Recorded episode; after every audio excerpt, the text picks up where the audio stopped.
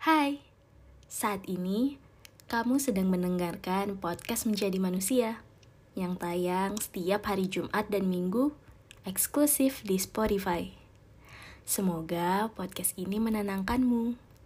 Selamat mendengarkan. Hidup akhir-akhir ini tidaklah mudah. Kita sering bertanya, siapa yang lebih berisik? Suara kendaraan dan aktivitas manusia di luar sana, atau isi kepala dan hati sendiri. Keduanya saling bersautan, memojokkan diriku di sebuah sudut ruangan. Rasa-rasanya, rasa aman dan nyaman, begitu jauh.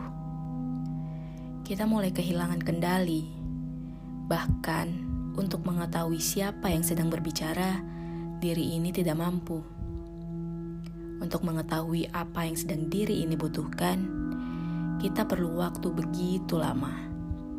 Seolah-olah kita sudah tidak lagi mengenal diri sendiri. Entah dunia yang begitu kejam sehingga memaksa kita untuk menjadi orang lain, atau memang ini adalah upaya terbaik diri ini dalam beradaptasi dengan keadaan di depan mata. Hari hampir berakhir. Tubuhmu dan tubuhku hanya ingin memeluk mimpi indah setelah hari yang begitu lelah. Di atas kasur, kita menerka-nerka, bertanya tentang cita-cita, hal-hal yang sebenarnya ingin dilakukan dalam hidup perkara-perkara yang selama ini ternyata mengganggu ketenangan hati.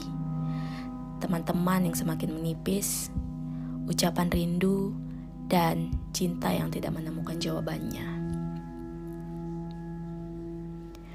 Untukmu, untuk kita, aku ingin bilang bahwa jiwa dan tubuh ini sangat pantas mendapatkan istirahat dan damai yang cukup.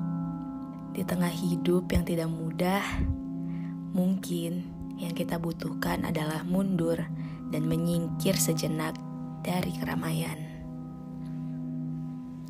Tidak, itu tidak akan serta-merta membuat hidup menjadi mudah untuk dilalui.